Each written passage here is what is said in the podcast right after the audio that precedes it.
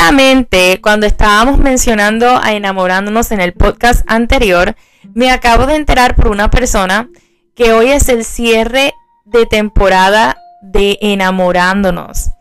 Entonces cuando vi el post de la persona que mencionó eso, yo dije, yo espero que para esta nueva temporada que viene pronto, este, vayan trayendo gente nueva, porque imagínate, esa lista de espera que ellos deben de tener allá en Univision se debe estar alargando todos los días. Porque no me quiero imaginar la cantidad de personas que están en esa lista de espera y que han estado aplica, aplica y aplica y aplica. No me quiero imaginar eso.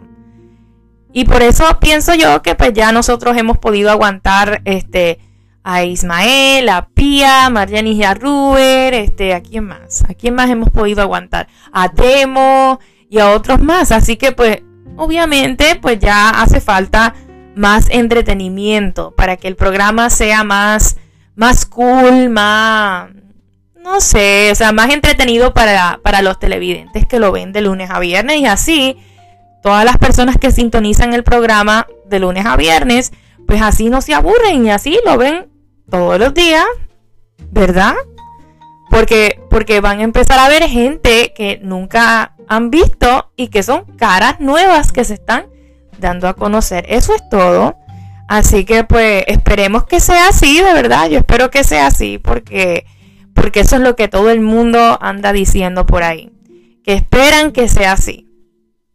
Y yo también espero que sea así porque porque yo soy una de ellas que está en esa lista de espera que, todos los días se sigue alargando. Así que pues crucemos los dedos de que ellos me llamen pronto por teléfono y me digan que voy a ir al programa para esta nueva temporada que está por venir. Y bueno, ya les dejaré saber a ustedes. Yo sé que ustedes están súper pendientes de todo este acontecimiento con ellos. Así que bueno, los voy a mantener al tanto. Eso sí, eso sí, porque yo nunca me olvido de ustedes, así que ya veremos qué va a suceder con Enamorándonos y esta nueva temporada que espero, vuelvo y lo repito, porque me emociona ver caras nuevas. Eso espero porque porque miren que yo he visto el parco vacío todo este tiempo.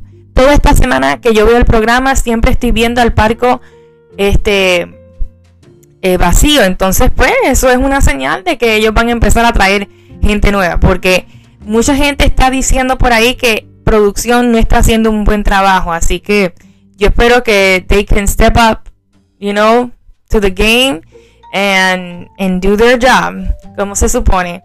Pero, y también, y también podemos entender de que si hay gente nueva que acaba de empezar en el puesto de director de casting o algo así, es entendible, tampoco nos vamos a poner a, a, a juzgar a nadie ni a, ni a ponernos a criticar tanto porque ya eso es over the top, you know.